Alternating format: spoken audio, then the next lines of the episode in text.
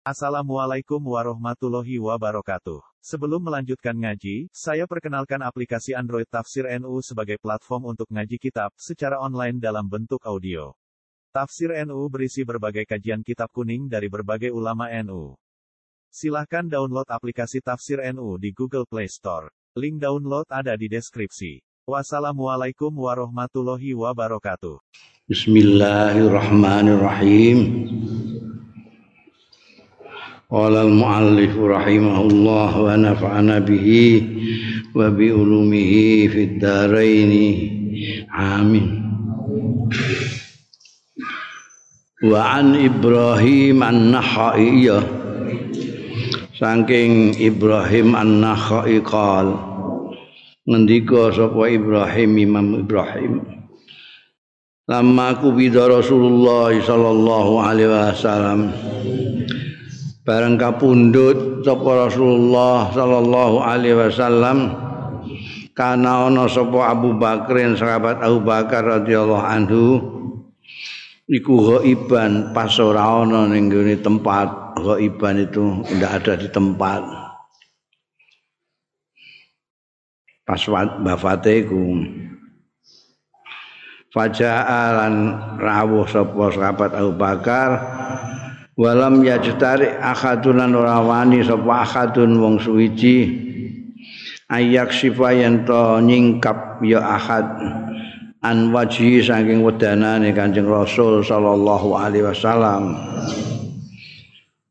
Bareng Kanjeng Nabi kapundhut itu orang-orang ndak ada yang berani buka wajahnya itu begitu sahabat Abu Bakar datang fakasafa an wajhi mongko nyingkap ya sahabat Abu Bakar Siddiq an wajhi saking wedanane Kanjeng Rasul sallallahu alaihi wasallam.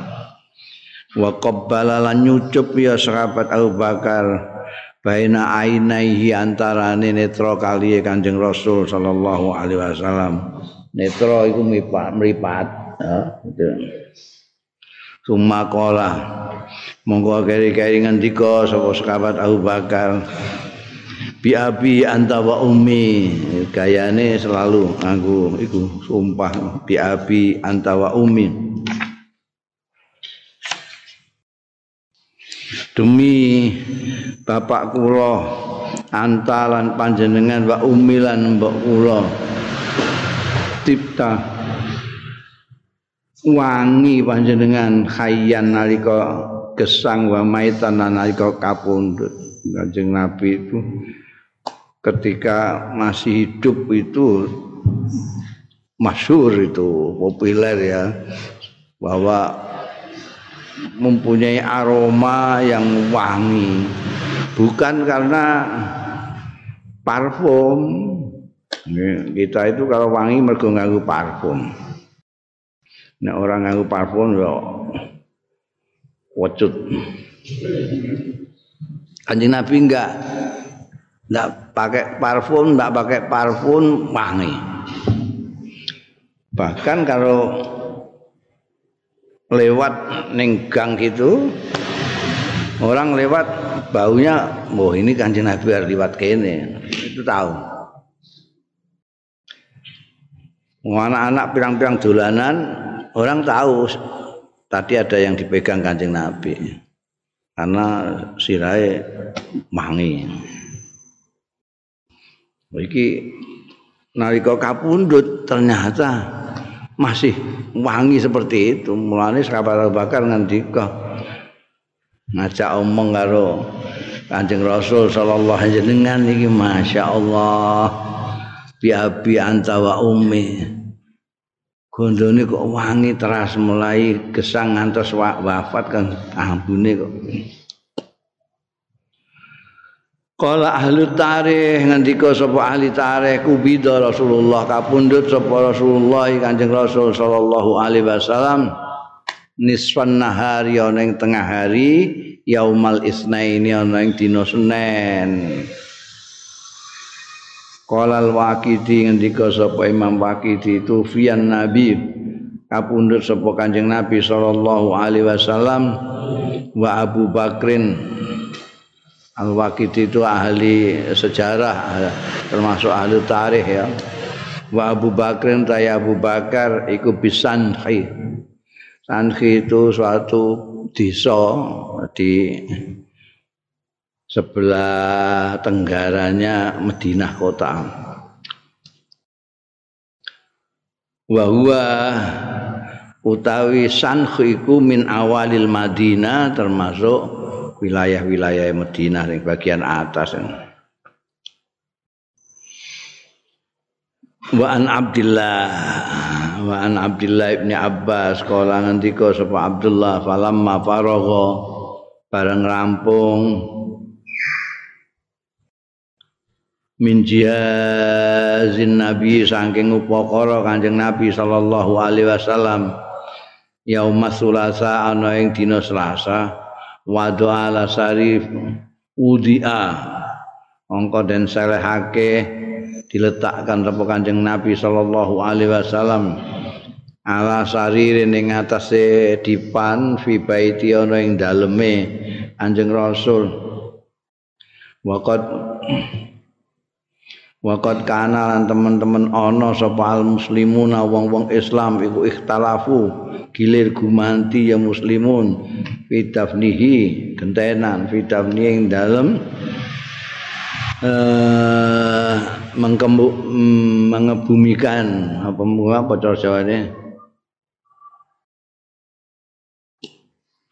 ngubur Kanjeng Rasul sallallahu alaihi wasallam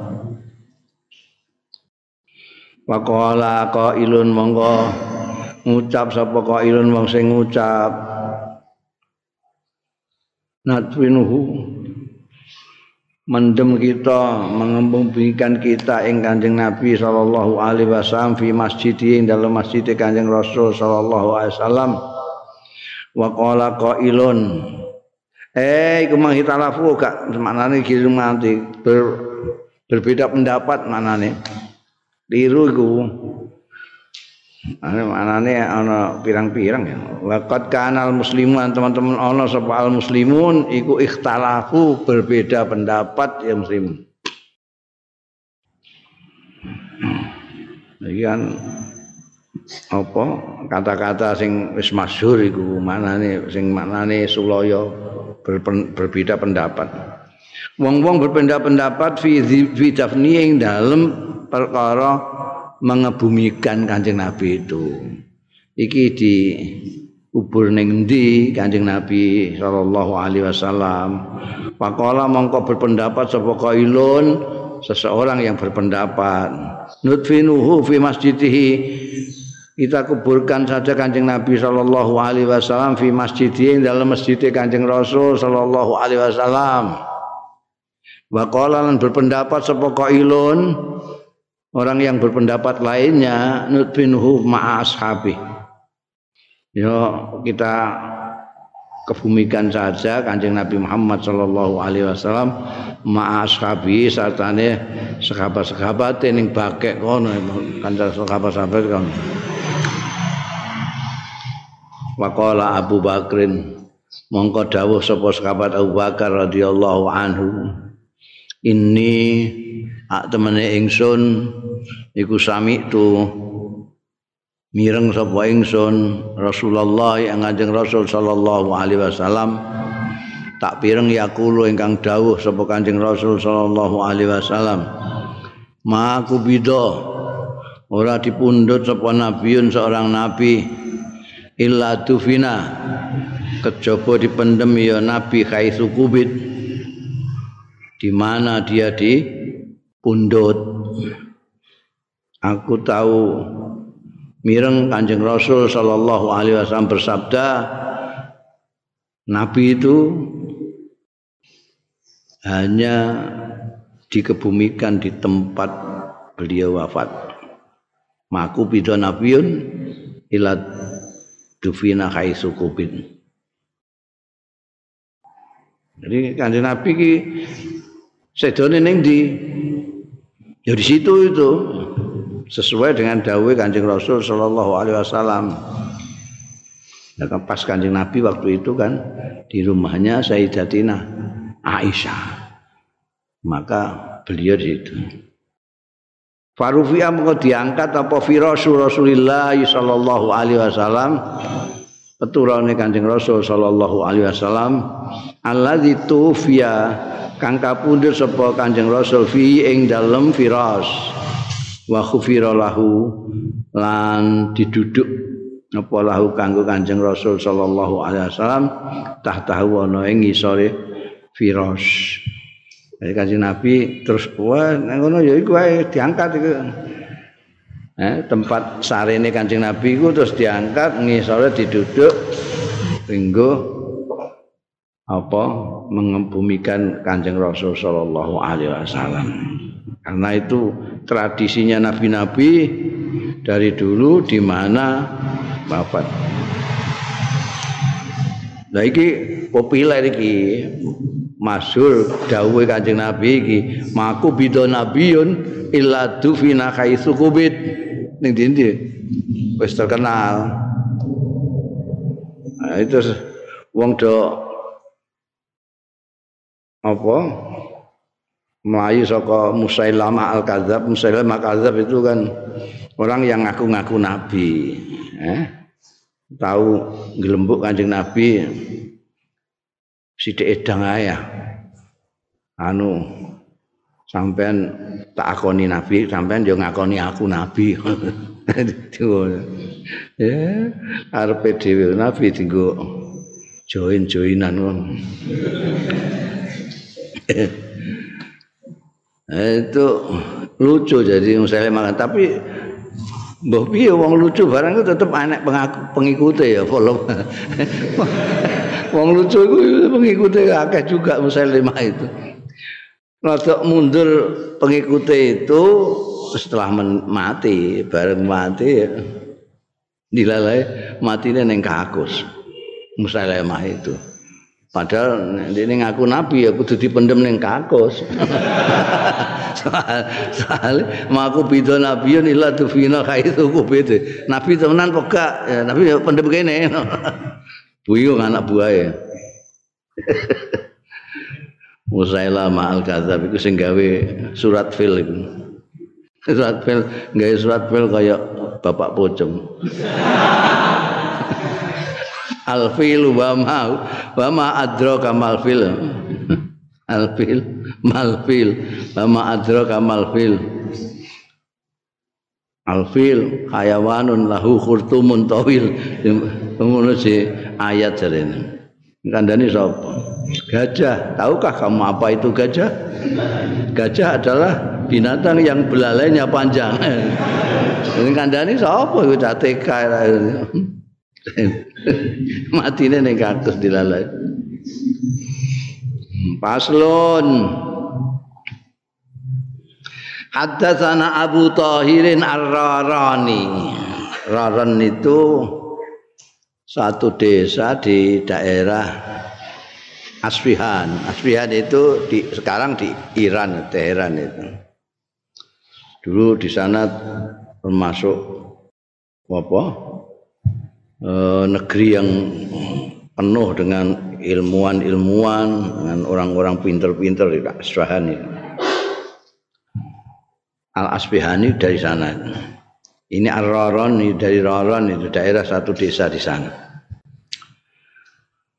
Ngendika sapa Abu Tahir. Haddatsana Abu Bakrin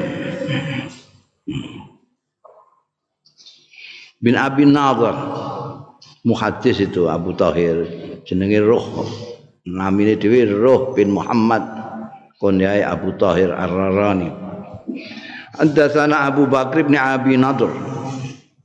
Haddatsana Syekh, haddatsana Israil an Israil an Abi Ishaq an Barra.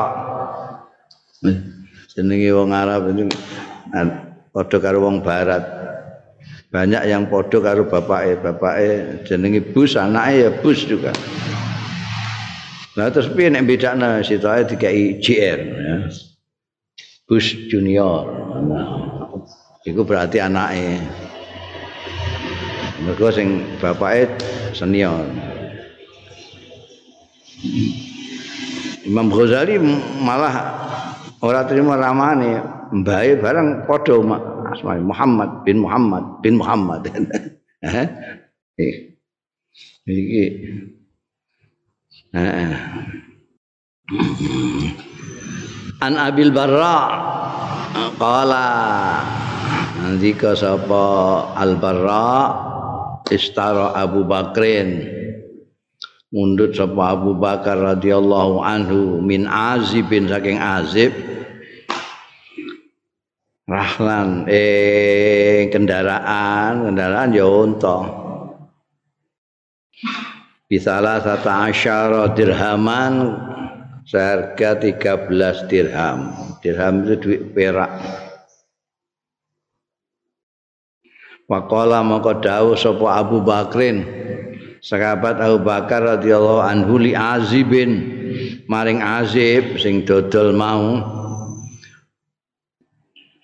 Murra fal yahmilhu ila ahli. Ana berangkat ya fal yahmil. Ya curigan iki nek anu sing keliru fal yahmil iku terus ning gone sapa rujukane nek hune ning ngene lan iku rahlan nah iki kala li azibin jare jadi azib ku mukhatab. Malah tak ngerti nahu bareng jadi repot ya. Kan ngerti angker diwaca ra wis ngono. Eh? Ora marai ragu-ragu ngene kitab. Pemenah kitab iki bolak-balik konangan salah kita dadi mesti ini nek li azib iku mukhatab dadi mur iku wis bener perintah mur. Liwat mana? Liwat sira. Fal yahmilhu. Terus ning di yahmilu itu rujukane. Nek hune ning gone iku mau rehmlan sing dituku mau. Hah? Mesti ini nek mukhatab ya tak fal tahmilhu ila ahli. Nah ya biasa terus kayak keluangan minggu ini pinggir tulisi la ala sawab bita Paukiyah fal tahmilhu ila ahli. Kowe liwat terus iki engko gawa mara ning keluargaku. Azibe montok napa? Ya gelem. Kala la. Mboten. Kata tu hadisuna ngono dadakan njaluk syarat barang nggawa.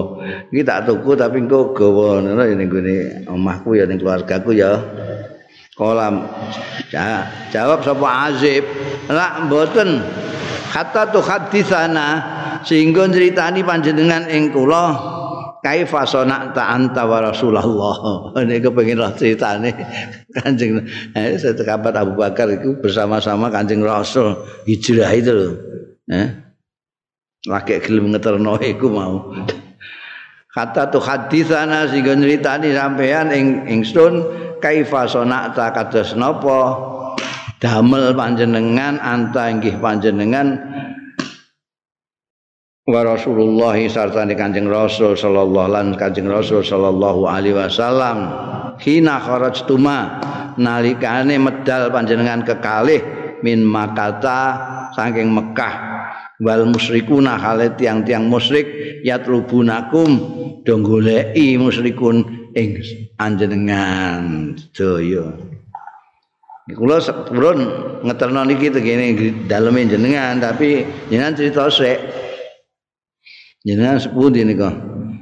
Bareng kali Kanjeng Rasul hijrah nika. Nalika dikejar-kejar kali wong musyrikin do golek ini ngono ya dilateni wis kapada wae karena ape kala eh Pak Apian terus dituruti ae. Kala dawuh sapa? Sahabat Abu Bakar. Iku ngene ya irtahalna budalan sapa kita min makata saking Mekah. Aku mbek Kanjeng Rasul sallallahu alaihi wasallam budal saka Mekah. Fahtafaina mongko ndelik kita bersembunyi kita yaumana ing dalam dina kita iku walailatana lan bengi kita kata azharona. Hatta azharna.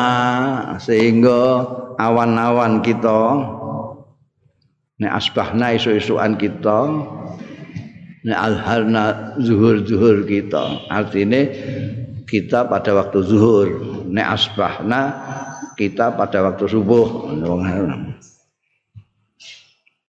Wa qama qaimun az-zahira wa qamalan jumeneng sapa qaimun wong sing jumeneng az-zahira ta ana ing wektu bedhog. Menawan ngono mulai wong do ha? Do gumregah sing nyambut gawe do nyambut gawe. Ing ning pasar ning pasar ngono kae. Paroma itu wibasari Paroma itu mongko melemparkan sapa ingsun basori ing peninggal ingsun. Melihat ke sana kemari itu melemparkan pandangan lempar pandangan ke kiri ke kanan. Lah apa kok? Pandangan jenengan jenengan lempar ke sana kemari. Hal ara ana to ningali sapa ingsun min zillin saking suatu ayub-ayupan panas banter ya zahira eh pas beduk iku nek nggone warep masyaallah. Dua kali lipat rembang iki rembang iki wis panas dhewe iki. Wawan ngono kae ya Allah semelet. Iku durung ning kono. Iku masyaallah jadi cilang-cileng lah. Roma itu bibasori itu cilang melemparkan pandangan ke sana kemari untuk mencari apa itu. Eh mbak menorah iup-iupan adab iup-iupan apa? Ning kene ya wit-witan.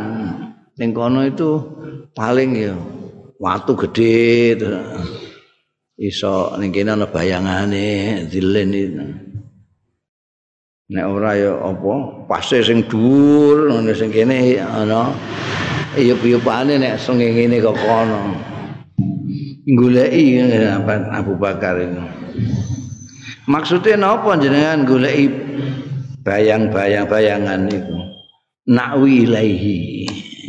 Waya berlindung kita, aku mbek Kanjeng Nabi ilahi marang dzil. Mergo panase ra karuan ini. Aku golek cilang, cilang tak goleki ana nggon ayep apa gak. Waya dinggo berlindung panase ra karuan.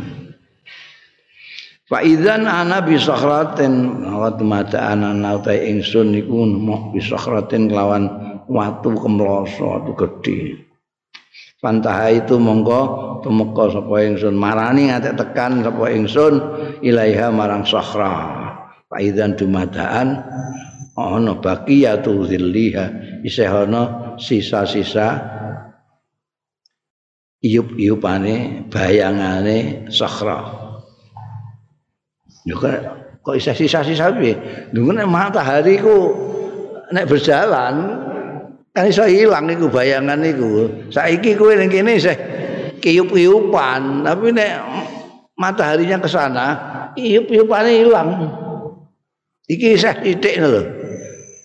Mat, karena mataharinya belum ke sana, jadi ibu-ibuannya saya enak sidik. Pak Idan niku bagiyatul zilliha ya. safa sawaituha mengko ha ngepasno sapa ingsun ha ing sakrah mau. Nasira summa faras tu mongko keri-keri beber sapa ingsun li Rasulillah kanggo Kanjeng Rasul sallallahu alaihi wasallam. Ora sampe takok nembe beber apa wong jenenge faras tu iku ya beber beberan. Mergo firas itu tempat yang eh, karpet barang itu firas, kloso itu firas, tempat eh, untuk anu itu. Nek paras tuh berarti beber karpet beberan ini. Iku ora mereka dia apa itu? Karpet tak zaman saiki wis modern ono karpet barang. Biyen paling dia apa jenenge lulang-lulang yang di Nah, sama ngono kae.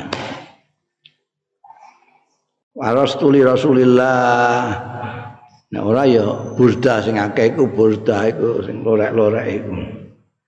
Parastu beber ke sapa ingsun di Rasulillah kanggo Kanjeng Rasul sallallahu alaihi wasallam. Sumakultu mongko keri-keri matur sapa ingsun ittaji ya Rasulullah kula aturi tarian Kanjeng Rasul litak cara bahasamu ya mang litak litak ittaji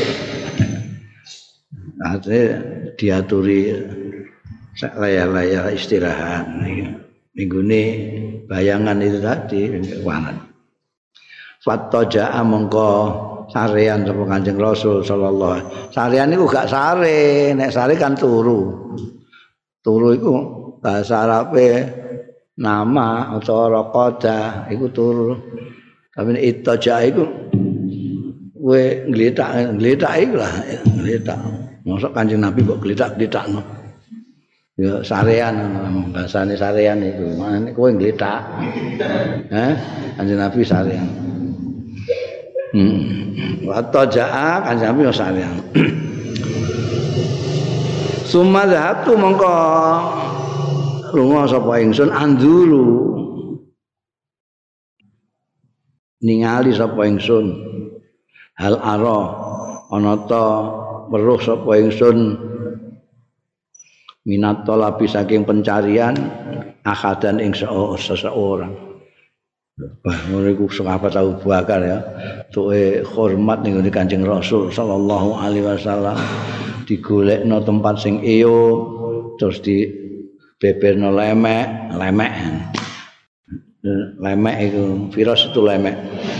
Terus beber lemek ini terus diaturi sarean beliau sendiri pergi untuk mencari jangan-jangan ada yang masih goleki Kanjeng Rasul sallallahu alaihi wasallam dengan beliau. Ya. Ada seenggut ojo-ojo no, seseorang sing lagi goleki.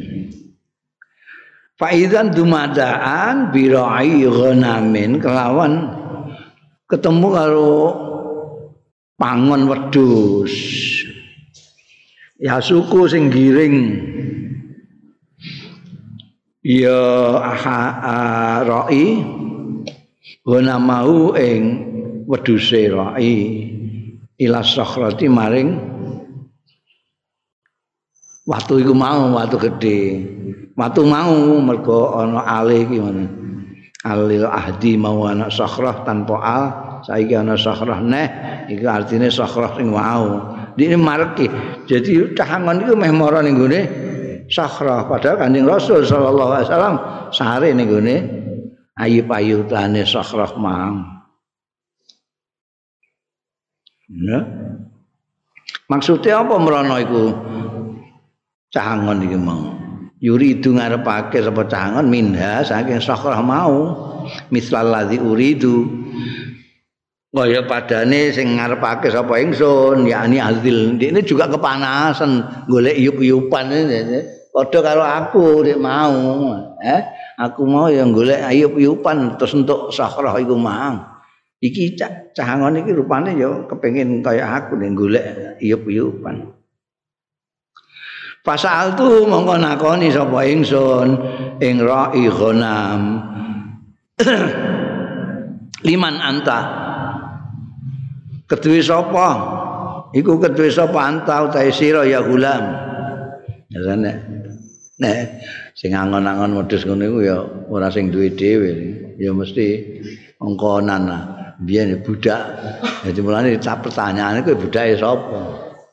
Wonge sapa kowe? Kowe wonge sapa cung? Nah liman anta ya gulam. Ya gulam iku cung lah. Cara kene ne. Kowe wonge sapa cung Fakola li fulan dan anu Pak Anu sing disebut Pak Fulan iku rajulun wong lanang min Quraisyin.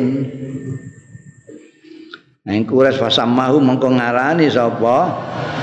Gula mau cara ibghana mau hu ing rajul min Quraisy. Pak Arab tuh nyebut jenenge. Dia menyebut ini gadane Pak Anu No, aku kenal ya. Araf tuhu mongko kenal sapa ingsun, bu ing rajul mergo dia nyebut namanya. Fakultu mongko ngendika sapa ingsun, hal fi ghanamika min labanin? Ana ta iku ing dalem wedhusmu min hula min labanin utawi sesuatu puan ana puane to sithik-sithik mosok gak ana ana puane Mas Kala matur sapa Ra'il Ghanam nam nggih wonten Kultu ngendika sapa ingsun hal anta halipun li? Ana ta ta sira iku gelem ngepoh puane pedus mau li kanggo ingsun. Walan jawab sapa Ra'il Ghanam nam nggih purun Kala fakta kala satan min gunami Mendiko sapa sahabat Abu Bakar fakta kala Ini ceritane kan mau ceritani azib mau ya. Jadi ini bener tak takoi Iki kowe wong wong wong kowe? Kula gadane Pak Pulan. Kenal sahabat Abu Bakar. Tak takoki ini. Kowe iki wedhusmu ana susune ta ora? Wonten kowe gelem ngepohno. Urun. Ola ngendika sapa sekabat Abu Bakar fakta kola satan Baik kowe gak bingung ya nek disebut ghanam itu banyak. Jadi ra'il ghanam itu ora kok terus pedus sitok dingan. Lha apa ra'il ghanam iku ghaname pirang-pirang Iku istilah ghanam. Nek sitok-sitok iki sat anzun, an bangsa ning ngono iku sitok-sitok iku ana jenenge dhewe. Nek kelompok jenisnya pedus ghanam. Mulane ning kene ditakokno apa ana di antara ghanamu itu sing wedhus puan. Wedhus itu kan macam-macam, ana wedhus gembel, ana wedhus Jawa, ana wedhus gibas, ana domba. Iku ana sing wedhus puan. Wedhus puan itu memang yang dialap puannya. Kayak sapi itu kan ada sing loreng-loreng ireng putih itu, itu sapi puan itu. Hmm. Bareng muni gelem ning kanggo aku terus ndikne iki fakta kola mongko nyancang sapa? Ra'i ghanam satan ing satu kambing min ghanamihi. Saking wedhus-wedhuse Ra'il ghanam Pak amal tuhu, kowe nek gak ngerti maknane wo nang terus bingung. Kok Pak takola satan min honamihi iku Satan itu bagian dari wedhus-wedhuse iku mau. Cekel sitok ya sing wedhus poan mesti ini. Pak amal bareng ndekne njikuk wedhus siji arep dipoh Pak amal tuhu mongko perintah sapa ingsun ing ra'i ghanam mau. Tak perintah binafdi dzar'iha kelawan mengibaskan mengibaskan apa terus jawane karo ta eh mengibaskan apa? Ini tengah-tengah mesti gak iso. Mengibaskan. Hmm, ngipat-ngipat. Jadi ning kene iki nek mbok kene-kene no mbok kibas-kibas debu itu pergi dia. Karena ini di tempat padang pasir debu. Ning kene ora padang pasir debu tok isine delok ngono iki debu tok. Nah, supaya debu ini hilang ya. atau mbok sebuli? Atau mbok kibas kibas kene. Apa iki cara jawane eh kipas kipas no pas kipas ngene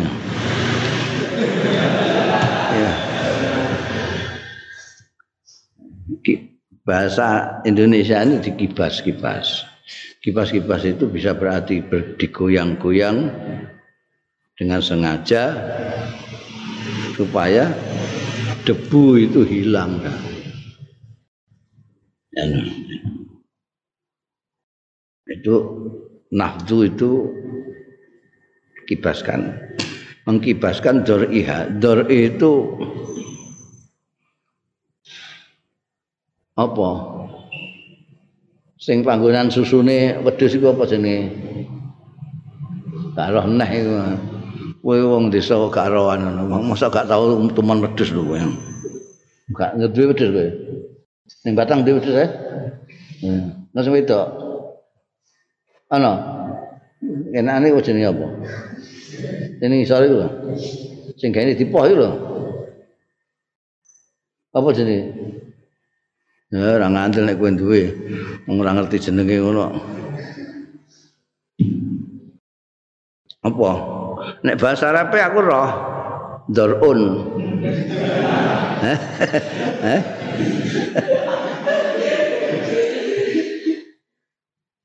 Eh mbok maknane susu iku ana bahasa iki ana stadion iku ya susu. Tapi susune wong. Stadion nahdun iki dorun ya susune susune sat ngono wae lah susu. Iki susune kongkon ngibas-ngibaskan supaya debu-debu yang ada di situ sebelum dipoh itu sudah tanpa debu. ya itu ajaran kebersihannya sudah ada di sini binafdi iha lo minal gubar saking debu. Wis ngono isih diperintah neh. Summa amartu mongko keri-keri perintah sapa ingsun ing gulam utawa raihuna mau ayam fawo yen to ngibas-ngibasno iya ra'i ghanam kafaihi ing epek-epek lorone. Sing dinggo ngibas-ngibas susune wedhus iku mau. Sahabat Abu Bakar anggone mulyakno Kanjeng Rasul sallallahu alaihi wasallam itu kelihatan sekali. Dicarikan tempat sing eyuk dibeberno lemek supaya Kanjeng Nabi istirahat. Lalu beliau melihat-lihat keamanan situasi. Jangan-jangan masih ada orang yang mencarinya. Ketemu tuh pangon wedus ditakoi iso ngepohno susu poanmu bareng muni iso. Arep dipuan kongkon nepis-nepiskan debu dulu. Kon ngibas-ngibas dari susune iki mesti ngemeh dia. Wis bar ngono wis diperintahno kon ngipas-ngipasno tangane sisan ben gak ana debu sama sekali.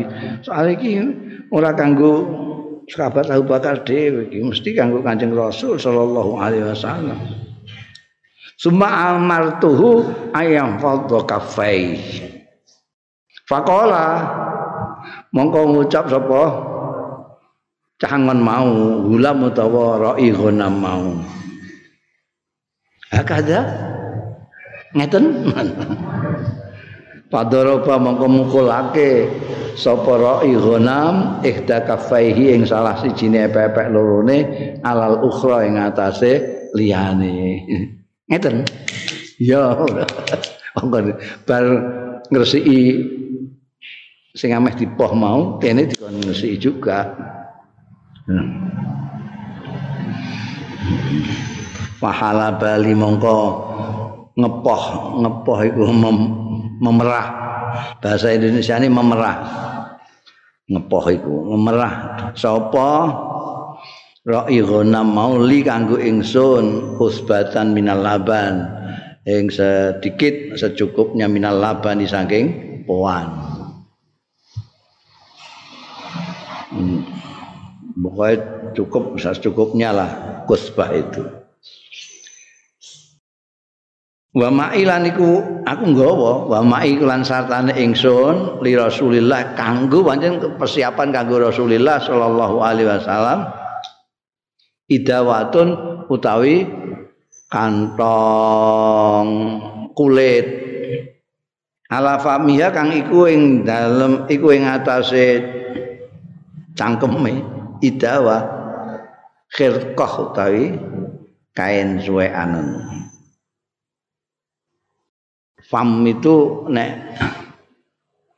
ning kene kan kendi ku ana loro ana gulune ana panggonan nggo ngetokno banyu itu utawa nggo ngombe banyu itu cucuke kita kita mengatakan cucuke kendi. Ning Arab kendi itu tidak begitu, enggak pakai cucuk gulon tak iki mbekan kene lho. Yo bahannya kalau lemah juga, tapi tidak ada cucuke nek cara kono kendi. Nah, iki sing panggonan ngombe ya langsung kok iki gulune besar. Jenenge gula itu. Iki cucuke ini. Lana idawa itu bukan dari bukan dari tanah, tapi dari ka, apa kulit. Kayak jirop, jirop gede. Nah ini gak untuk tempat minum. Nah, cara kene ana sing apa jenenge? Sing tentara bunder ngono apa? Jenenge apa? Ah tambah larah kowe. jadi bentuknya bunder ana kene. iku idawa ala famiha famiha iki cangkeme idawa iku sing dienggo keluar masuknya air atau pohon itu dari tempat idawa ini apa jenenge cangkeme ngono cangkeme idawa irqah ada sesobek air menaleni Pasabab tu monggo ngesokno sapa ingsun ala laban ing atase pohane kata baru da asfalu sehingga adem.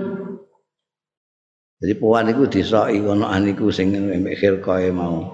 Maksudnya apa? Kata baru da sehingga adem apa asfalu ngisore ngisore lapan oh ini kini dikai es barang ini kono ngono tok iku disoki eh ambil rilka sebab kayak gribo, idawa, kulah, tempat-tempat air ning kono itu yang dari kulit atau dari lempung itu nek kena angin dia dingin dalamnya adem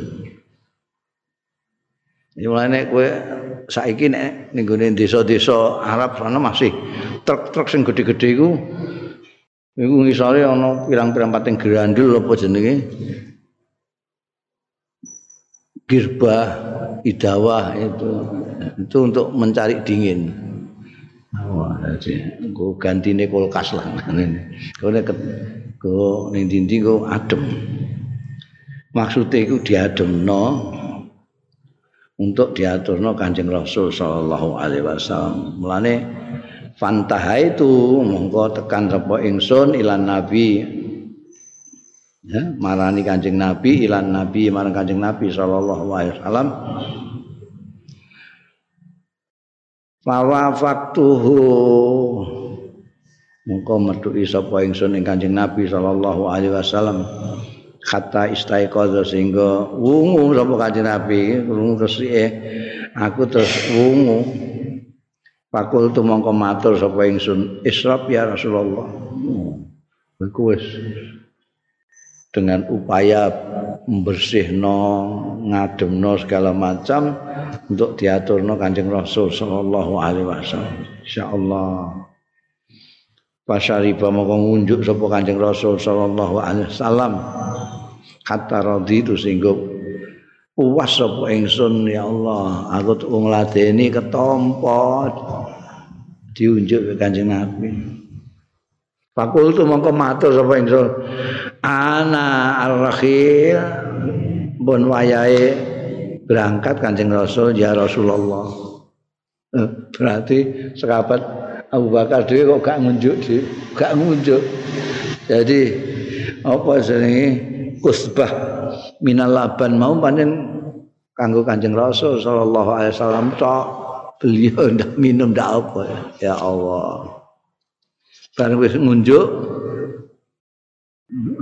ayem gelem kersa munjuk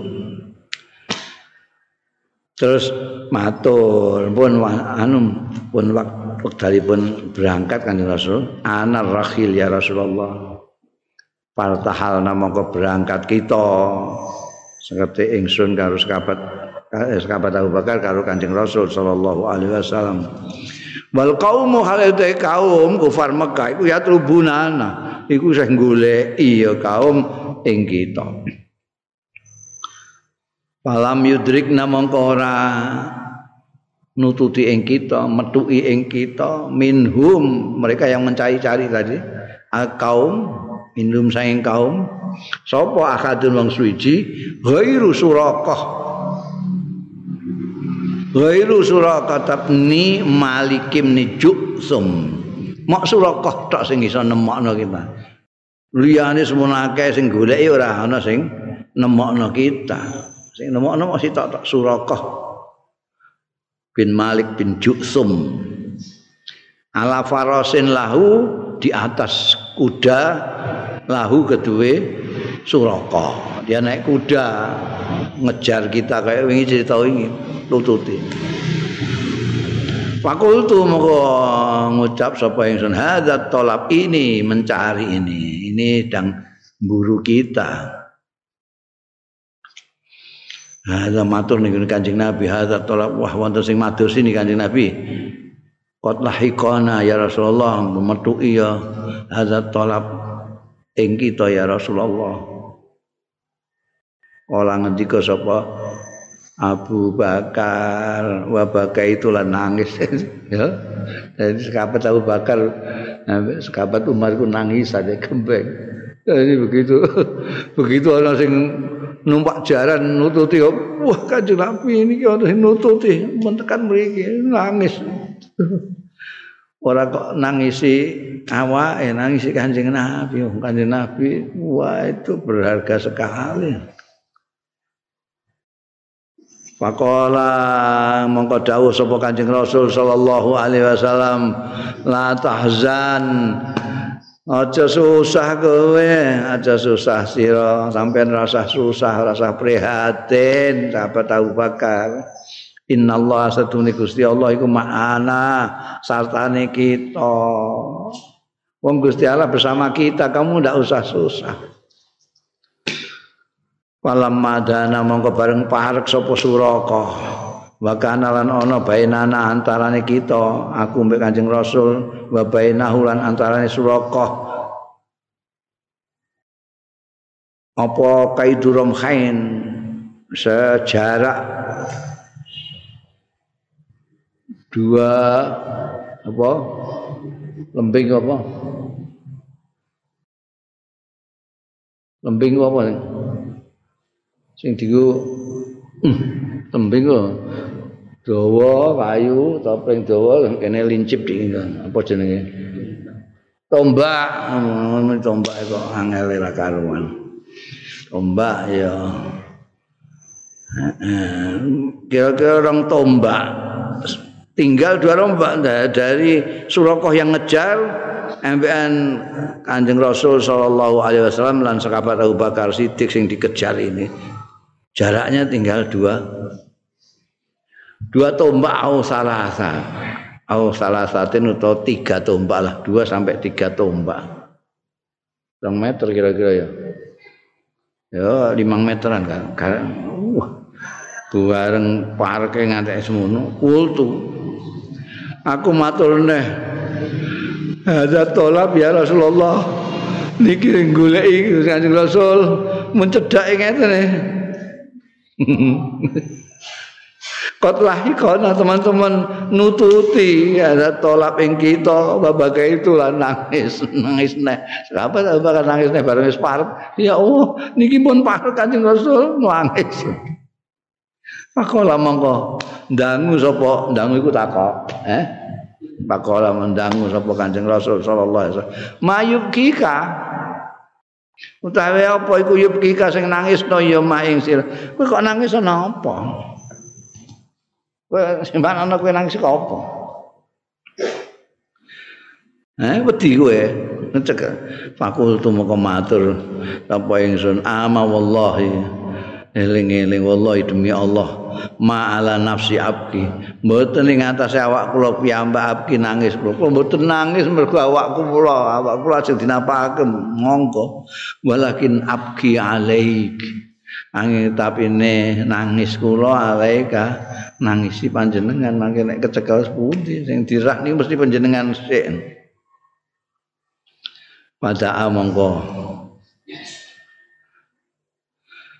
ndongakno apa Kanjeng Nabi alaihi ing atas suraka ndonga ndonga ndak baik kalau doa alaih nek pada alahu iku ndonga apik. Nek pada alaih iku ndonga yang ndongakno ing atase suraka sapa Rasulullah Kanjeng Rasul sallallahu alaihi wasallam? Allahumma kfina bima syi'ta wa kaifa syi'ta. Yo ngono tok ae dongane ora kok muga-muga modiar gak dongane kanjeng Nabi donga elek iku lho isih apike ngono ya Allah ha bayangna Kak kaya kowe ndongakno sing gak mbok senengi ya mesti mau sambel gelap. ya Allah Gusti sambel gelap. Mudah-mudahan hmm, di sambel gelap mudah-mudahan ndang mati mbok ngono-ngono iku lah. Ini kanjeng Nabi gak. Allahumma kfinahu. Mugi Gusti mugi nyekapi panjenengan ing kita hu ing surakoh nih sing nututi ada tolak bima kelawan barang sik kang kersa panjenengan. Wa kaifa sik lan kados pundi kers kersa panjenengan jadi diserahno Gusti Allah ora kok kowe sing dikte Gusti Allah. Kowe meni nyambel gelap berarti kowe ngongkon Gusti Allah ngongkon bledek menyambel dikne. Kowe ngongkon Gusti Allah mbok kongkon-kongkon. Oh, mudah-mudahan segera dicabut nyawanya. Ngono iku ada ngongkon Gusti Allah, Gusti Allah kan ngandani Israel ngono. Lho kowe kok eh Dungo kok pintu ngono. Dungo iki lho kaya junjungan kita pemimpin agung kita dungane ya Allah. Dungo dungo elek api ngene. Pomone sing dungo apik. Ya Allah minta dicukupkan. Wis kita tidak perlu macam-macam, tidak perlu berbuat apa-apa, cukup jenengan mawon sing nyukupi niku sing golek iku. Diapa anak kita serah jenengan. Oh, terserah jenengan. Apa jenengan tempiling apa jenengan apa ake monggo bima sik. Carane ya terserah jenengan kaifa ta. Lho. Kuwi ku adabe niku de. Gusti Allah taala itu ndonga ora kongkon njeblukno petenge barang ngono. Lah terus Gusti Allah ngersakno fasakhat bihi far. Mongko wingi apa terbenam iki apa bahasa Jawa ini. Sakhat itu terbenam ya. Apa wingi? Jeglong. Kejeglong itu bolong. Iki ora bolong, kejeglong itu kene ana bolongan. Sikilmu pun. Kejeglong. Eh, kejeglong aku. Iki wedi. Wedi masuk tang sikilmu bukan jurus terus gak iso mlaku kowe. Sikilmu kependem ya kependem iku lho sakot kependem. Terbenam terbenam. Apa cara jawane? Wingi wis ana maknane ngono kok ah wong gak mbok tulis ya. Kata nggawa potlot ngono gak mbok maknane. Fasakot mongko terjerumus ter kependem iku apa wingi bihi wasakhat bihi. Para suhu fil ardi. Kelawan surakoh mau apa farasuhu di atasnya ada dia di bawahnya farasuhu sing kejeglong farasuhu mulane fasakhat iki rujuke paile ning ngene farasuhu tapi embek nggawa surakoh asakhat bihi farasuhu masakhat mongko terbenam bihi kelawan suraka apa farasuhu jarane suraka fil ardi ing dalem tanah. Ila batniha ngantek tekan wetenge faros. Eh?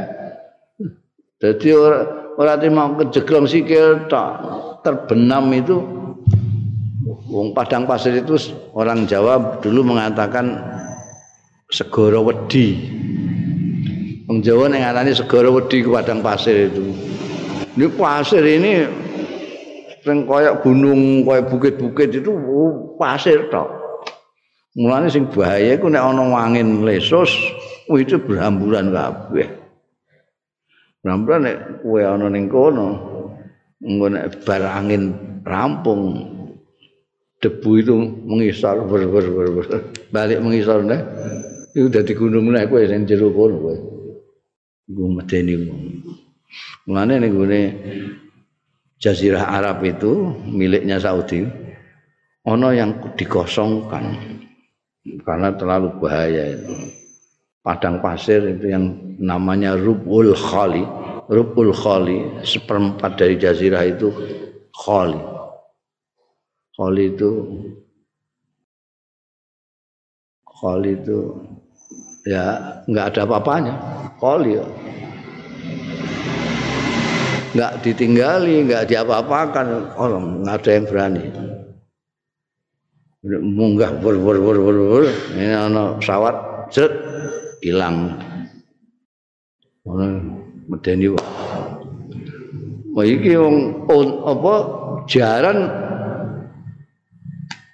kejengklok masuk di situ itu sampai tekan weteng ya eh lah tekan gone pupune ngono mungkin iso krekah-krekah iso mati kene tekan weteng Masya Allah. Itu kesannya Gusti Allah. Kayak fasik tangan. Kita itu kalau minta kepada Allah itu ya kayak tuntunan kanjeng Rasul inilah bima sita wa kaifa sita. Kadang-kadang pilihan kita itu justru lebih buruk. Kita dungo apik atau dungo elek itu pilihan kita itu enggak pasti bener. nek Gusti Allah diserahno Gusti Allah mesti bener ya. Mengan kadang ngono. Jaluk jaluk untuk di, disebut namanya ya Allah Gusti Honda Gusti ngono. Lho apa sing sing mbok pingini apa kendaraan apa merek sepeda motor apa apa. ndonga sing kula jenengi paling rezeki sing saged gampelaken kula mereka mriki. Terserah jenengan. Ngono wis malah iso dikeki mobil barang mungkin. Eh ora timo sepeda motor iku kanjeng nabi iki contone masyaallah dungane aku. Ndungakno suraka iki ternyata jarane ambles ya ambles sakot ambles. Hmm. ambles bihi kelawan surakae apa farasuhu fil ardi ing dalem anak. Ila niat tekan wetenge faras Pawasaba muka mencolot ya suraka anda saking faras gak mencolot ini melbu kependem sisa eh Lesep sih mencolot deh begitu jarane ambles dia mencolot. Ngono iku nek menurut hadis apa se sejarah riwayat-riwayat wingi kae kan bolak-balik ngono. Kejengklok anu neh jengklok ngono. Ngantek diramal mbek ndekne iku nganggo azlam iki lho. Sumakola, dia mencolot bareng ngantek tekan weteng iku amblese. jarane. Makola moko keri-keri ngucap sapa suraka. Ya Muhammad hei Muhammad. Kot alim tu teman-teman ngerti kula ana hadza satune niki iku min amalika saking perbuatan jenengan iki perbuatan jenengan kok mau kok kejengklak jengklak mawon Lah terus apa kowe kan? Fatullah ayun jiani langsung jaluk. ngerti nek iku dongane Kanjeng Nabi ki ngerti. Niku jenengan tengok-tengok mboten noleh mboten napa kok. Kula kok ngeten, siale ngeten iki. Lah terus karepmu piye? Fatwa jenengan dongake. Allah ing Gusti Allah ayun jiani yen to nyelametake sapa Allah ing kula. Mimma ana sange barang anak kang tae kula piye ing dalem malah jaluk jaluk didongakno. Jaluk restu pangestune. Padahal mau rencanane meh mateni. Rencana meh mateni saiki jaluk selamat. Wallahi mangko demi Allah la miyanna alaman warai yakti badhe membutakan itu artinya uh, melakukan sesuatu yang bisa orang lain tidak melihat. Itu jenenge membutakan itu. Dia berjanji akan membuat orang tidak melihat. La apa iku bahasane malah angel neh iku lamnya akan membuat tidak melihat. Mutaake kok gak gak cocok. Akan saya akan membuat tidak melihat. Saya betul-betul ana nune tauhid saya betul-betul akan membuat tidak melihat. Alaman ing atase wong waroi sing wonten wingking kula minat tolabi saking goleki Artine mangke nek wonten sing goleki malih liyane kula, ampun kula sing gawe bagaimana yang mboten ngertos arah-arahe jenengan. Nah, bikin mereka tidak tahu. Apa mbuseki tipak-tipak telacaan apa gawe apalah pokoknya tujuannya supaya orang-orang yang mengejar Kanjeng Rasul sallallahu alaihi wasallam di belakang mereka kan ngerti Surakoh lunga terus gak balik-balik kan curiga. Itu jangan-jangan Surakoh iki emeh golek apa? Dia dhewe iki. Pape terus do goleki juga. Mulane ini janji kan kancing Nabi Muhammad sallallahu alaihi wasallam la amyanna alaman warai minat talab. Kula mangke sing damel mereka tidak melihat tidak bisa melihat arah-arah jenengan. Wahadi utawi iki iku kinanati eh kisah kelikan iki. Ada anak panahane sing diku ngramal iki lho sing ngramal iki bejo ta ora bejo ta metune ora bejo terus iku. Niki kinanati niki fakhut minha. Mau panjenengan pendut monggo panjenengan pundut minha saking kinanati sahmaha ing anak panae kinanati nek jenengan kuwatir make kula panah barang niki jenengan pendeti mawon niki anak panah anak panah sampean pendet mawon. Fa innaka mongko sedune panjenengan satamuru bakal ngliwati jenengan ala ibili ing atase unta kula wa ghanami lan wedhus kula makana kadza wa kadza kula gadah unta gadah wedhus tenggene daerah mereka mangke sing jenengan liwati. Jenengan mangke ketemu temu mereka wonten. Kula gadah wedhus gadah unta temu mereka.